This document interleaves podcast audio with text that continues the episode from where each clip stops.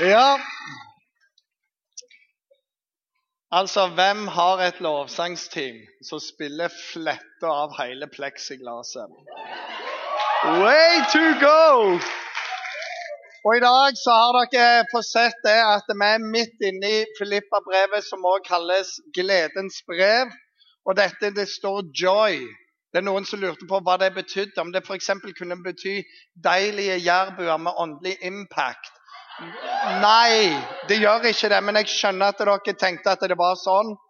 Det er rett og slett engelsk. Joy. Glede. No big deal. Og når jeg sa det til dem, så bare Er det mulig? Men de var fra Østlandet, så de uh, Unnskyld. OK. Vi starta sist gang med uh, hva som var foranledningen til Filippa-brevet. Og her er casen.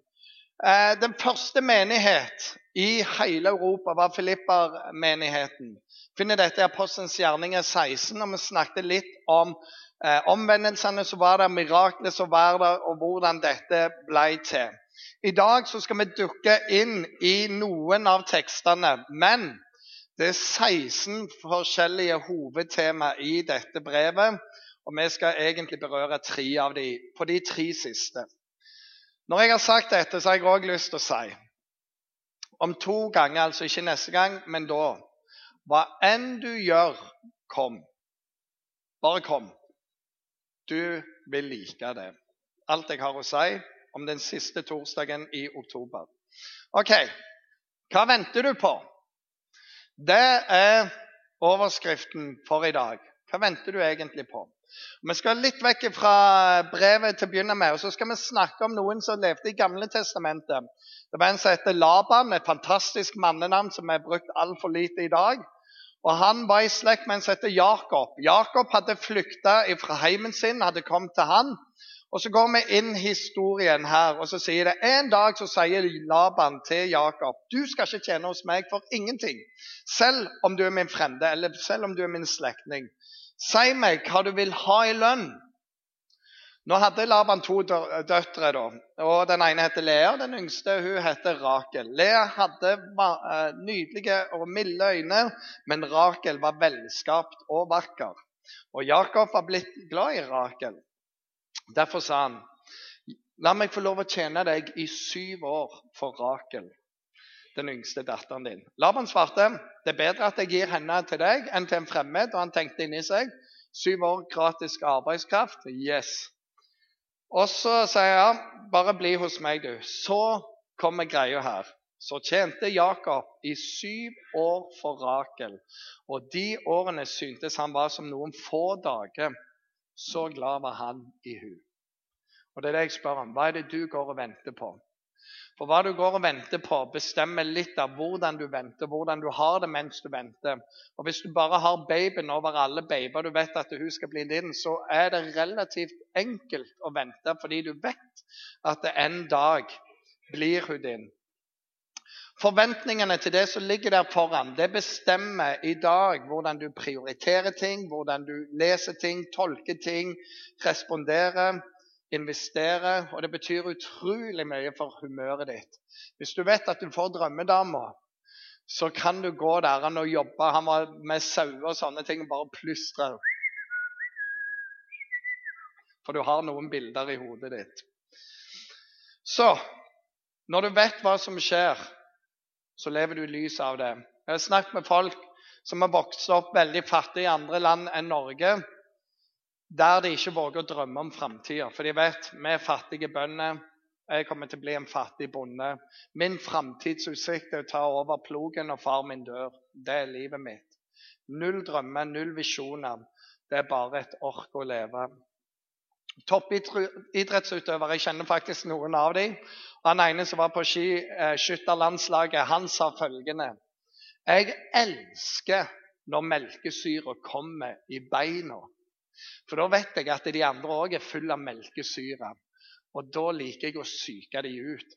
For når melkesyre kommer, så har du lyst til å gi opp, du har lyst til å slakke av. Og jeg bare gir på. Og det har han bevist mange ganger. Han bare gir på, og så orker de andre ikke. Han orker det egentlig ikke, men tanken hans er når melkesyre kommer, da ligger seieren foran meg. Og han bånder på, og han har vunnet ganske så mye. Og Det står dette i 1. Korinterbrev, kapittel 9. Vet dere ikke at det er de som er med i et løp på en idrettsbane, de løper alle sammen, men bare én vinner? Eh, seiersprisen løp da sånn at dere vinner den. En idrettsmann må nekte seg alt. Han gjør det for å vinne en krans som visner. Eh, eh, men vi beklager, vi for å vinne en krans som ikke visner. Jeg løper derfor ikke uten å ha et mål. Det er Paulus som sier dette her. Og jeg er ikke lik en bokser som slår i løse luften. Nei, jeg kjemper mot meg sjøl. Jeg tvinger kroppen til å lystre for at ikke jeg som har forkynt for andre, skal sjøl bli forkasta. En idrettsmann han vil vinne. Og Hvis du er passelig interessert i idrett, så vil du se at det er mange fotballspillere, håndballspillere, orienteringsløpere, hva det måtte være, ofrer utrolig mye Søvn er regulert, mat er regulert.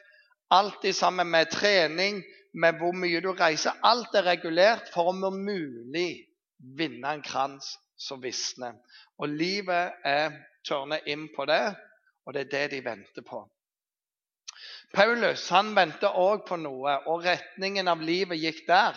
Og Det er dette han skriver som et av hovedtemaene i Filippa-brevet, nemlig det å vente på himmelen. Vi har noe der framme. Jakob jobba i syv år for Rakel. Så måtte han faktisk jobbe syv år til, men det er en annen sak. For Rakel. Og så, så fikk han gevinsten sin. Og så har vi en gevinst som er litt lenger framme, og det er himmelen.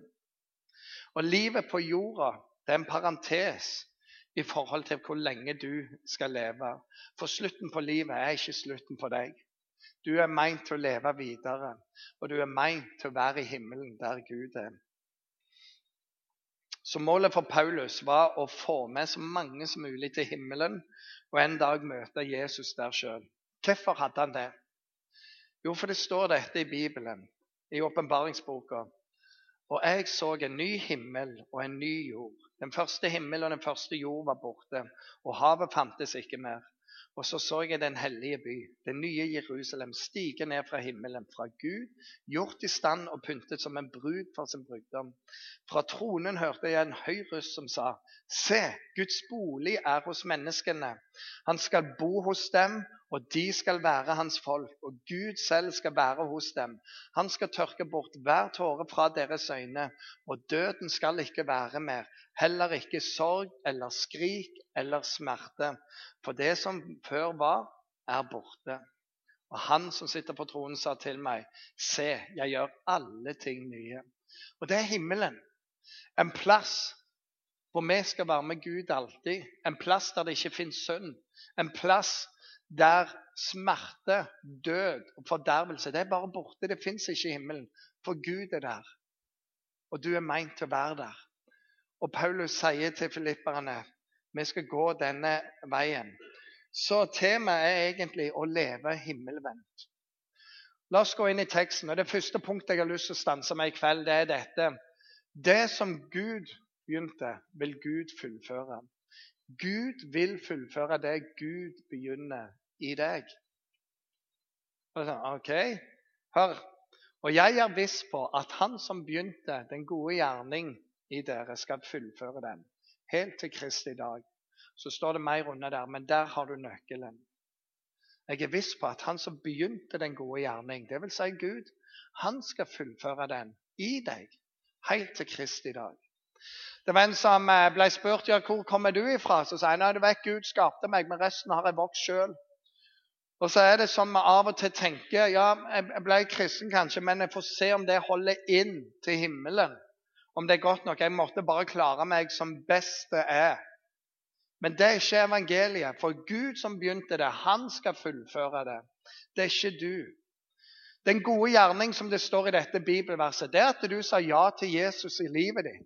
Og når du sa ja til Jesus, så skifta du borgerskap.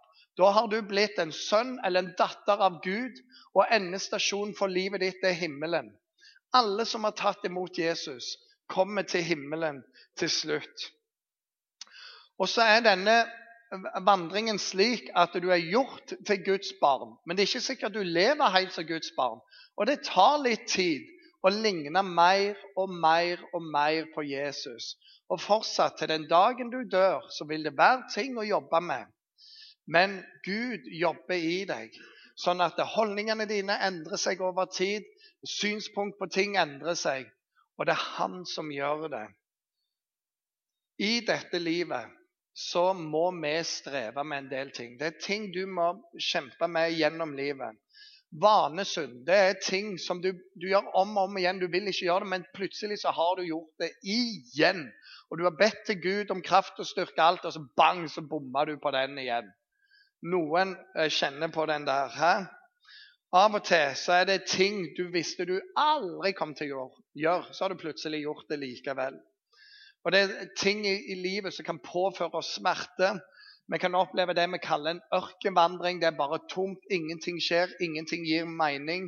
Du kan få troskrise, og det kan være mange ting som ikke er lett å takle. Det er en del av vandringen. Det er ikke hele vandringen. For i vandringen med Jesus så er det mange gode ting. Han har ledet meg til grønne enger, står det. Jeg får finne hvile for ham. Og jeg har fått hans fred i livet. Men vi lever i dette tospannet her resten av livet. Men i disse nederlagene, i ørkenvandringen, i dette du ikke blir kvitt, så be og takk. Og siter dette bibelverset. Han som begynte den gode gjerningen, han vil fullføre den i meg.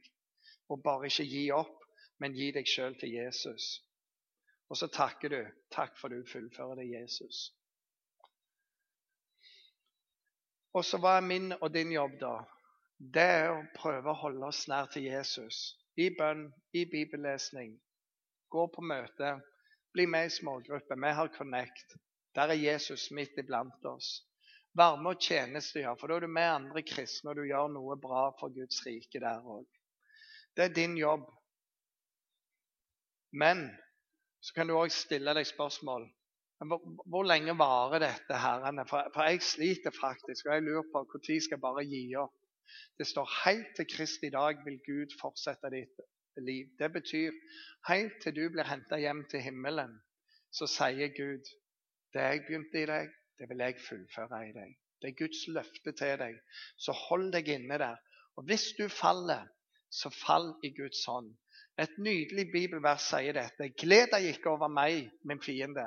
For faller jeg, så står jeg opp igjen. Og vandrer jeg i skyggen, så er Herre mitt lys. Arild Edvardsen, en av de virkelig store kristne ledere i Norge, han sa dette. Du vet, det er en ærlig ting å falle i sølepytter. Men det er kun idiotene som blir liggende. Gud vil fullføre det Gud har begynt i livet ditt. Neste punkt. Du tåler så utrolig mye mer når du vet hva du har i vente. Paulus sier dette. For meg er livet Kristus og døden en vinning. Det er utrolig rart. Livet er Jesus, og døden frykter de ikke. Det er en vinning. Det er macho. Wow! Frykter ikke det der. Men hvis det å bli i livet betyr at jeg kan gjøre et arbeid som bærer frukt, da vet jeg ikke helt hva jeg skal velge. Han sier ikke da vet jeg ikke helt hva jeg frykter mens. Men han sier jeg vet ikke hva jeg skal velge. For det er så bra begge deler. Jeg kjenner meg trukket til begge sider. Jeg har lyst til å bryte opp herifra og være hjemme hos Jesus. For det er så mye mye bedre. så står det. Men for deres skyld er det kanskje best at jeg blir litt her lenger, da. For da kan vi vinne enda mer og få enda mer til himmelen. Og Han står med et dilemma. Jeg vet ikke hva jeg skal velge. For himmelen er på ordentlig. Og himmelen er så ekstremt bra. Og han levde himmelvendt, og han sa til filipperne dere må leve himmelvendt. En ting er når du har en 94 år gammel bestefar som legger seg og har levd sitt liv med Jesus, og så hver eneste kveld sier jeg håper jeg ikke ser deg mer igjen på denne sida, for nå vil jeg hjem til Jesus. Og du hører dette bare, så til slutt så ble de forfremma til herlighet, som vi sier. Og du bare sa takk, Jesus, nå er han der hjemme, og en dag så skal jeg òg. Men bare la meg leve så lenge. Jenter sier sånn at jeg kan få oppleve å få barn, og gutter sier så jeg kan få oppleve det som fører til at vi får barn. Det er alt jeg ber om Jesus. Amen. Dere har bedt det, gutter. Jeg vet det. Hør. Det har faktisk vært de som har hatt sånn hjemlengsel til himmelen, som fikk kreftdiagnoser, og så legen sier hør, med denne kreftdiagnosen du har, så kommer du til å leve maks en måned. Og så ble de så glade, så de levde tre måneder ekstra bare i pur glede. Det å leve himmelvendt. Men det er noe annet. Jeg har en kamerat som var i Afghanistan, som vitner om Jesus. Og hadde med en kompis. Og De gikk fra landsby til landsby for å gjøre gode gjerninger og for å fortelle om Jesus. Og På vei til en landsby langt, langt oppe i fjellene så legger de seg om kvelden, har med seg to lokale tolker. Og så ser de over en åskam, og så ser de en helt annen gruppe. De er bevæpna, og de skjønner fort at dette er Taliban. Og tolkene får jo bare det der uttrykket. Og så sier de hvis de finner oss, så dreper de oss. Og de ble livredde. Og så ser kompisen min på han andre, og disse er unge folk. Og så plutselig så begynner de å le, og de må holde seg. For at de, de blir bare sånn. Og, og, så sier den ene til den andre Tenk, vi skal legge oss øyeblikk nå. Og når vi åpner øynene i, morgen, så enten så ser vi Jesus, og vi skal få være med han, eller så ser vi disse steinene og fjellene her, og da går vi til landsbyen og vitner om Jesus. Og så ble det bare sånn wow! Og sa Det var hellig øyeblikk. Det bare skalv. Og tolkene skalv i tillegg. Så neste morgen så våkner de. Tolkene de har tatt bein og fatt, og de tok bein og fatt og vitne om Jesus. Det å være himmelvendt. Hvis vi går litt tilbake i historien, når amerikanerne og engelskmennene drev med menneskehandel og, og hadde slaver fra Afrika over til USA De ble bare henta hjemmefra uten lov, uten dom, solgt. De som klarte turen. For det var mange som døde på veien, og de ble kastet om bord. Og noe av det som holdt de oppe, det var det at mange av disse var kristne, og de fant Jesus òg. Og så sang de sanger mens de var i fangenskap. Og de sang sanger som eh, dette her I'm on my way to heaven. We shall not be moved. Og så sang de mens de arbeidet hele tida. We shall not, we shall not be moved. I'm on my way to heaven. Og så levde de gjennom en vanvittig lang tid med slaveskap fordi de var himmelvendt. Paulus han er så radikal i det måte og ønsker å få med enda flere at han sier det i Romerbrevet kapittel 9. Eh, Jeg er villig til å bli fortapt, til å gå til grunne, hvis bare det kunne ført til at flere kom til himmelen. Jeg skulle ønske jeg kunne ofre meg sånn at alle bare ble med. For himmelen der du er meint til å være evig. Dette er bare en parentes. Og han var så så fokusert på det. Slutten på livet er ikke slutten på deg. Så du tåler mer når du vet hva du har i vente. Den neste tingen det er vit hva som lønner seg, og investere etter det. Vit hva som lønner seg. Når du planlegger livet ditt, når du tar dine valg, så vit hva som lønner seg, sånn at du kan hente ut gevinsten. Alle som driver business, alle som driver og investerer, liker å vite hva er det lurt å satse på. Og Paulus sier dette. Men det som før var en vinning for meg Og han har snakket om at han var en av de mest lærde av alle jøder. Han hadde en av de høyeste posisjonene. Han hadde mest anerkjennelse. Han var bare best. Og, og han var wow, meg! Så sa han, men det som var en vinning, det regner jeg nå som tap for Kristi skyld. Jeg regner alt som tap, for det å kjenne Jesus, min Herre, er så mye mer verdt. For hans skyld har jeg tapt alt. Og jeg har, alt jeg har tapt, regner jeg som verdiløst skrap. Bare jeg kan vinne Kristus og bli funnet i Han. Så det er bare en helt omveltning i livet. Mange må bli syke og sengeliggende og nær døden før de skifter perspektiv. Det er jo ikke dette livet handler om. Du har sjanse å finne ut mye, mye før. Og sier alt det jeg jakter på, alt det som jeg så som det, Du må leve sånn. Det er bare sånn, teller ikke lenger. Fordi nå lever jeg for Jesus. Og så er greia den at hvis du vet at det fins en vei å gå, og det fins en premie å finne, så er du villig til en del ting. Jeg er far til tre unger. Og Katrine, kona mi, og meg vi kan si til dem om morgenen kan du kle på deg, for du skal på skole. Og det ene og det andre. Kan du vaske hendene, for nå skal vi spise? Kan du gjøre det, kan du gjøre det? Og så får vi all slags sånn. Og så funker det ikke. Men når vi sier dette om morgenen Når du har kledd på deg, så kan du spille iPad fram til klokka da. Men du bestemmer hvor lenge det blir. Bom, så er de i klærne. Det tar mindre enn et halvt minutt, så er de kledd. Vanligvis så tar det et kvarter. Men belønning bang, så er det umiddelbart. Og jeg kan også si Kan du rydde rommet ditt? No way! Så du får tre godterier hvis du rydder rommet. Vom, så er det blå størrende. For det er en belønning. Eller hvis du går ut med søpla, så får du fem kroner. Og de bare sånn OK, jeg går med søpla. Har du mer søppel? Og så begynner de å sånn Yeah, I like you! Business! Og så har jeg ikke sagt det, men stort sett så får de pengene uansett. Men det er bare sånn at de skjønner at det er bra å gjøre noe, for det har en belønning. Jesus sier dette. Himmelriket er lik en skatt som var gjemt i en åker. En mann fant den, dekket den til igjen, og i sin glede gikk han bort, solgte alt han eide, alt som hadde verdi i hans liv før, og så kjøpte han åkeren. For den var mer verdt for han. Himmelriket er også lik en kjøpmann eh, skal vi se, som lette etter fine perler. Da han fant en særlig verdifull perle, gikk han bort og solgte alt han eide, og kjøpte den. Og Jesus sier dette hele tida. Han bare lot alt gå, og så fant han noe som var mye, mye, mye bedre.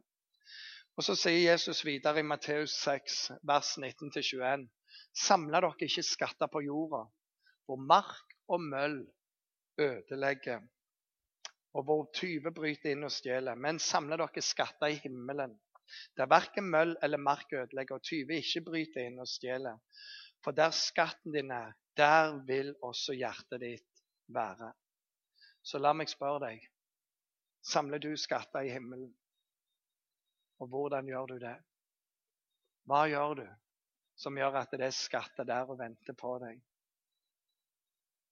Siste punktet. Ha hodet i himmelen og beina på jorda. Paulus skriver jeg mener ikke at jeg har nådd alt dette eller alt er fullkomment, men jeg jager fram mot det for å gripe det, fordi jeg sjøl er grepet av Jesus Kristus. Mine søsken, jeg tror ikke om meg sjøl at jeg har grepet det, men én ting gjør jeg. Jeg glemmer det som ligger bak, og strekker meg etter det som er foran. Og jeg jager fram mot målet, mot den seierspris som Gud fra det høye har kalt oss til i Kristus Jesus. La oss tenke sånn, alle vi som har nådd fram til modenhet. Om noen ser annerledes på noe, så skal Gud gi dere klarhet i det også. La oss bare, så langt som vi kommer, fortsette i samme spor. Ingen av oss blir perfekte på denne sida av evigheten. Bare spør Katrine. Vi har en god relasjon med en menighet i Statene. Noen var der nettopp på en studietur. Og vi legger opp til nye studieturer der, kanskje til sommeren. Så hvis du vil være med meg ei uke eller to til USA, så begynn å spare. Han ene som jeg virkelig har en god relasjon til, han heter Jason Anderson. Og Han var med som en frivillig i flere år. Og En dag så kommer en av de andre pastorene som heter Dale, og så sier han Jason, vi vil ansette deg her i Eagebrook. Og han var bare sånn Kidding? Me? Seriously? Do you know about me? Og så sa han Jeg hadde tenkt litt. Jeg må snakke med deg. Så OK, hva er det? Hvis dere er seriøse og tenker å ansette en sånn som meg, så må du vite jeg har sagt sånne ting. Jeg har gjort det, og jeg har gjort det, og jeg har gjort det. Og det ser ikke særlig bra ut. Og Jeg vil bare si det, at jeg er jo ikke kvalifisert for dette. En ting er hvordan jeg lever nå, men jeg har gjort alt dette. herrene. Og jeg er jo ikke teologisk utdannet eller noen ting. Så du har feil person. Og så ser Dale på han, og så sier han Det er akkurat sånne som deg som jeg vil ansette. Som skjønner at det handler om Jesus og ikke seg sjøl. Som er ærlige med livet, og som bare gir det. Og Da sa Jason da hadde jeg ikke mer motargument, så jeg ble med. Så hodet i himmelen og beina på jorda. Vi er ikke allerede der. Vi er ikke allerede fullkommen. Han sier, men jeg gjør noe. Jeg vender blikket der, og så jager jeg fram mot det. Mot den seiersprisen som Jesus har der. Å leve himmelvendt, det starter med å si ja til Jesus. Det å si ja til Jesus. En kamerat av meg hadde en skoleandakt, og så spurte han hvor mange seriøst, hvis du skal være helt seriøs, ønsker seg til himmelen? Opp med ei hånd. Og alle rakk opp hånda og sa jeg vil jo egentlig til himmelen. Så sa han da skal jeg fortelle dere veien til himmelen. Og veien til himmelen den går alltid gjennom Jesus. Og det sier ja til Jesus. Jesus, jeg velger å tro på deg, og jeg tar imot deg som frelser og som herre i mitt liv. Og Hvis du ikke har bedt den bønnen før i livet ditt, så kan du gjøre det i kveld. Og så kan du vite at fra nå av så er jeg på vei til himmelen. Og hvis du har bedt den bønnen før, og siden gått vekk, så kan du be ham på ny. Og du lurer ja, vil Jesus ta imot meg, jeg som har gjort det, og jeg som har gjort det, og jeg som har sagt det. Det står dette i Bibelen at ingen som kommer til meg Jesus sier det, ingen som kommer til meg, vil jeg støte bort. Ingen. Jeg tar imot alle i sammen. Og så ligger det masse bibelvers der. Så hva venter du egentlig på? Spørsmålet er stilt i dag. Gud vil fullføre det Gud begynner i deg. Og når du tar imot Jesus, om du gjør det òg i kveld, så gir Gud deg en del gaver. Han gir deg Den hellige ånd inni deg, som skal veilede deg, be for deg. Han gir deg en, nåde, en åndelig gave som vi kaller nådegave. Og du er sikra en vei inn i himmelen. Så det er det første. Og Gud vil fullføre det fram til Jesus kommer igjen. Og du tåler mye mer i livet når du vet hva du har i vente. Jakob jobbet egentlig i 14 år for dama si. Og vi jobber for, for himmelen, for evig perspektiv. Og når du vet hva det er verdt, så invester i det. Og har hodet oppe i himmelen, men vær fortsatt her nede. Og vit at det betyr ikke at du er perfekt, men du er gjort perfekt. Og fortsatt så trenger vi Han i livet vårt. Skal vi be i sammen? Himmelske Far, jeg takker deg for dette fantastiske brevet og den tematikken som ligger her. Og, og det Paulus sier med å leve himmelvendt. Og Herre, jeg ber om at du må hjelpe oss å leve i lys av evigheten, og ikke bare lys her og nå. Herre, det er ting som kan skuffe oss, det er ting som kan uroe oss, og det er ting som kan være sånn at vi kommer av sporet. Hjelp oss å koble oss på igjen. Og når vi er av det sporet, så hjelp oss likevel å vite det, at det er Han som begynte en god gjerning i oss, han vil fullføre den til Kristi dag. Jeg ber om det, Herre. Hjelp oss til å fatte mot. Og Herre, hjelp oss å, gjøre sånn som Jesus sa, Herre, sånn som du sa, Herre, at vi samler skatter oppe i himmelen. Jeg ber om det. Nå mens vi er i bønn, så vil jeg be deg om å bare se ned eller lukke øynene. Og ti med de ser heller ikke på deg, det er bare jeg som ser. Og så har jeg et spørsmål. Hvis du ikke vet at du er på vei til himmelen, men du ønsker deg til himmelen, så vet du at Jesus er veien til himmelen. Og du kan ta imot han her og nå, og du kan gå ut fra denne bygningen og vite jeg òg er med på vei til himmelen så kan du gjøre det så enkelt at du rekker opp hånda og sier jeg vil til himmelen. Jeg tar imot Jesus. Om du har vært kristen før, eller om du ikke har vært. Så rekker du opp hånda, og så skal jeg be en helt enkel bønn for og med deg. Så spør jeg er det noen som vil ta imot Jesus, så, så rekker du opp hånda her og nå. Og ingen ser. Jeg ser din hånd. Gud velsigne deg. Du kan ta den ned. Er det andre som ønsker det? Rekk opp hånda.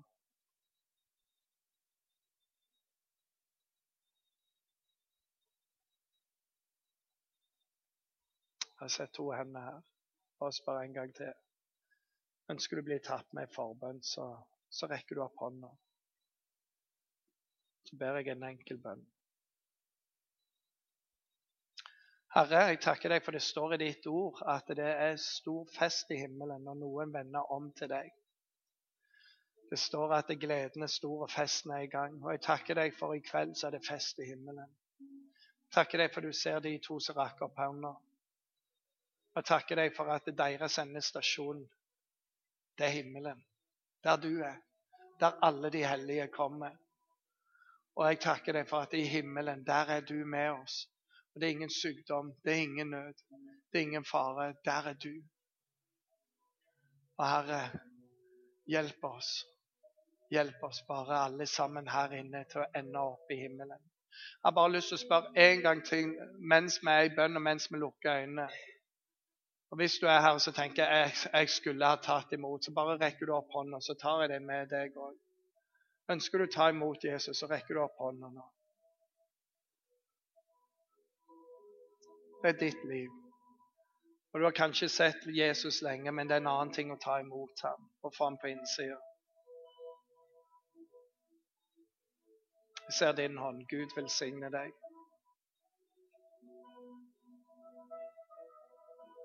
Var det en til?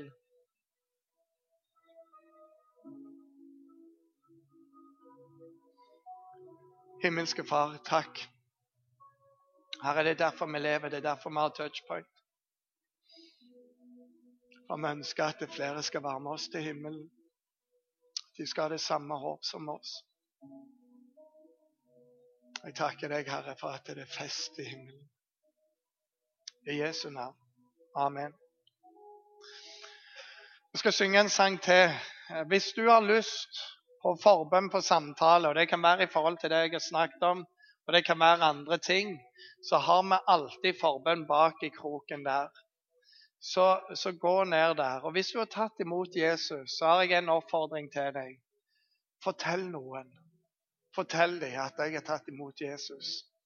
For oss som er kristne, det er ingenting som gleder oss mer enn det. Amen.